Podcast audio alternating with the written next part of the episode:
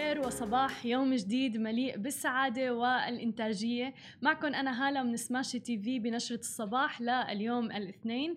واليوم رح نغطي بأخبارنا عن صفقة أرامكو وسابك وأيضا عن نظرة البنوك تحديدا بعد جائحة فيروس كورونا.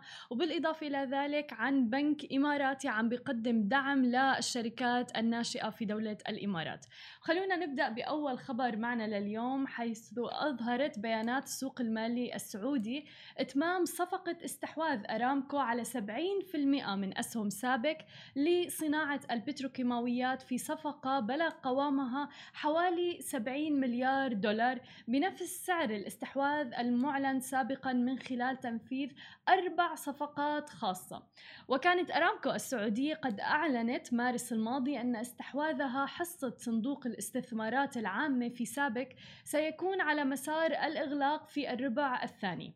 وتنفيذ عملية الإستحواذ عبر أربع صفقات خاصة بقيمة حوالي 69.1 مليار دولار أي ما يقارب يعني 259.2 مليار ريال سعودي. يعكس مواصلة أرامكو وأيضا صندوق الاستثمارات العامة. تنفيذ استراتيجية بعيدة المدى تستهدف رفع العائد وأيضا تنويع مصادر الدخل في المملكة العربية السعودية وتقليل المخاطر. ونسبة الدين والربحية والإيرادات العالية لشركة أرامكو رح تعزز سياسة الاستحواذات كما أن الاستحواذ على سابق رح يعزز استراتيجية توسيع قنوات التوزيع وأيضا التكرير والتوسع في قطاعات الغاز والكيماويات وغيرها. ومن جانبه أغلق سهم أرامكو تداولات يوم أمس عند 32.25 ريال سعودي فيما أغلق سهم سابق عند 88.5 ريال سعودي. أما إذا بدنا ننتقل لشركة أملاك العالمية فتعلن شركة أملاك العالمية للتمويل العقاري عن نيتها لطرح حوالي 27 ألف سهم عادي من أسهمها للاكتتاب العام في السوق الرئيسية للسوق المالية السعودية التداول وتمثل هذه الأسهم ما نسبته تقريبا 30% من رأس مال الشركة. عم نشوف العديد من الشركات في الشرق الأوسط الآن عم بيتجهوا لموضوع الاكتتاب وتداول الأسهم الخاصة فيهم لأنه معظم الشركات الآن بحاجة للسيولة المالية والكاش فهذا النوع من التداول مهم جدا وحلو كتير إنه عم نشوفه في منطقة الشرق الأوسط والمنطقة العربية. ومثل ما قلنا بتمثل هذه الأسهم تقريبا نسبة 30% من رأس مال الشركة ورح يتم دفع صافي متحصلات الطرح للمساهمين البائعين بنسبة ما يمتلكه كل منهم من أسهم الطرح. وكانت هيئة السوق المالية قد أعلنت أيضا عن صدور قرارها بتاريخ 25 ديسمبر 2019 المتضمن الموافقة على طلب, آه، طلب الطرح الذي تقدمت به شركة أملاك. وقد عينت أملاك شركة الأهلي كابيتال مستشارا ماليا لها ومديرا لبناء سجل الاكتتاب ومتعهد للتغطية ومدير الاكتتاب فيما يتعلق بأسهم الطرح. ويشير أيضا بيان الشركة أنها تأسست في عام 2007 هي شركة تمويل عقاري من خارج القطاع المصرفي وحصلت أيضا على ترخيص من مؤسسة النقد العربي السعودي ساما في عام 2013 وتوفر حلولا تمويلية عقارية متوافقة مع أحكام الشريعة الإسلامية للعملاء من الأفراد وحتى الشركات وأيضا رجال الأعمال. وشفنا أيضا يوم أمس أنه بنك دبي التجاري أيضا أعلن آه، لأنه يصير أسهمهم متاحة للأجانب. تقريبا 40% من الأسهم منذ يوم أمس كان متاح آه، للأجانب ليبلشوا أنه يتداولوا فيه ويستثمروا به. أما إذا بدنا ننتقل ونحكي عن التحفيزات تحديدا للشركات الناشئة فهذا الخبر إيجابي جدا لرواد الأعمال وأصحاب الشركات تحديدا في دولة الإمارات. حيث أطلق الإمارات الإسلامي بطاقة حسم مجانية جديدة لمتعاملي الخدمات المصرفية للأعمال من الشركات الصغيرة والمتوسطة التي تنطبق عليها الشروط. وتوفر هذه البطاقة الجديدة قناة بديلة للمتعاملين العاملين الراغبين في الحصول على المبالغ النقدية لتلبية احتياجاتهم المتواصلة للسيولة النقدية.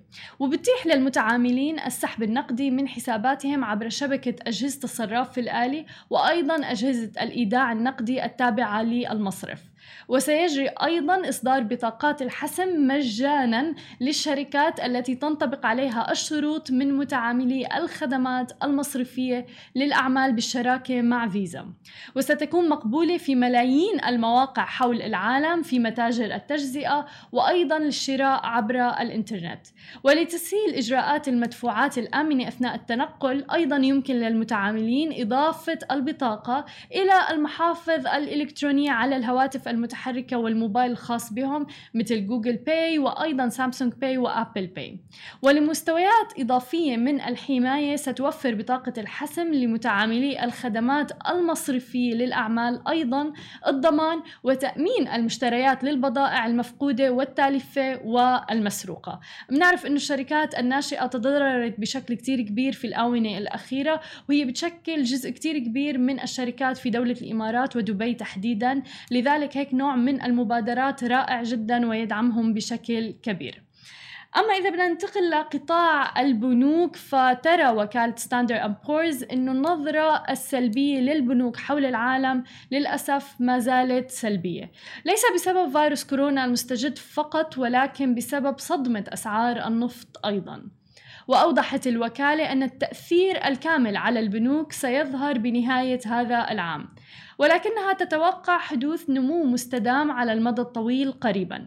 وقالت الوكالة أيضا في تقرير لها أن تحيزها خلال الفترة الحالية إلى النظرة السلبية للبنوك في العالم بسبب التأثير السلبي المتوقع لفيروس كورونا وأيضا التأثير المحتمل طويل المدى على ربحية البنوك. وأوضحت الوكالة في تقرير لها أنها اتخذت نحو 212 إجراء تصنيفي ائتماني اتجاه البنوك التي تقوم بتغطيتها وذلك بهدف أيضا تأثير فيروس كورونا المستجد وأيضا صدمة أسعار النفط كما قلنا على القطاع المصرفي بالعالم. وذلك منذ بدء هذه الأزمة وحتى يوم الأربعاء الماضي وهو ما نتج عنه أنه 30% من الرؤى الرؤية المستقبلية للبنوك تحمل نظرة سلبية للأسف. وتوقعت أيضا الوكالة في تقرير لها أن تظهر نتائج أعمال الربع الثاني من عام 2020 على نحو كبير بسبب تأثير فيروس كورونا على البنوك في كافة أنحاء العالم ولكنها للأسف ترى أن التأثير الكامل للفيروس على جودة الأصول من المرجح أن يكون واضح في نهاية هذا العام.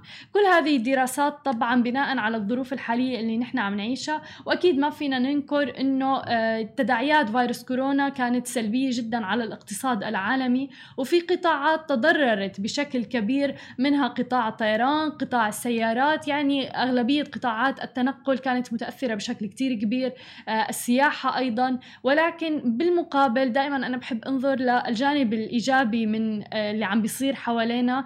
العديد من الشركات الناشئة عم تحصد على استحواذات آه، كل الأمور متجهة نحو التقنية التكنولوجيا الآن. فبتوقع ممكن أنه الواحد يركز على هذه الأمور ويعني آه، الشركات التي نجحت بتخطي تخطي مرحلة فيروس كورونا آه، في الشركات اللي 100% كانت قادرة على أن تقوم أونلاين تحديدا في مراحل الحجر المنزلي اللي عاشها العالم كله.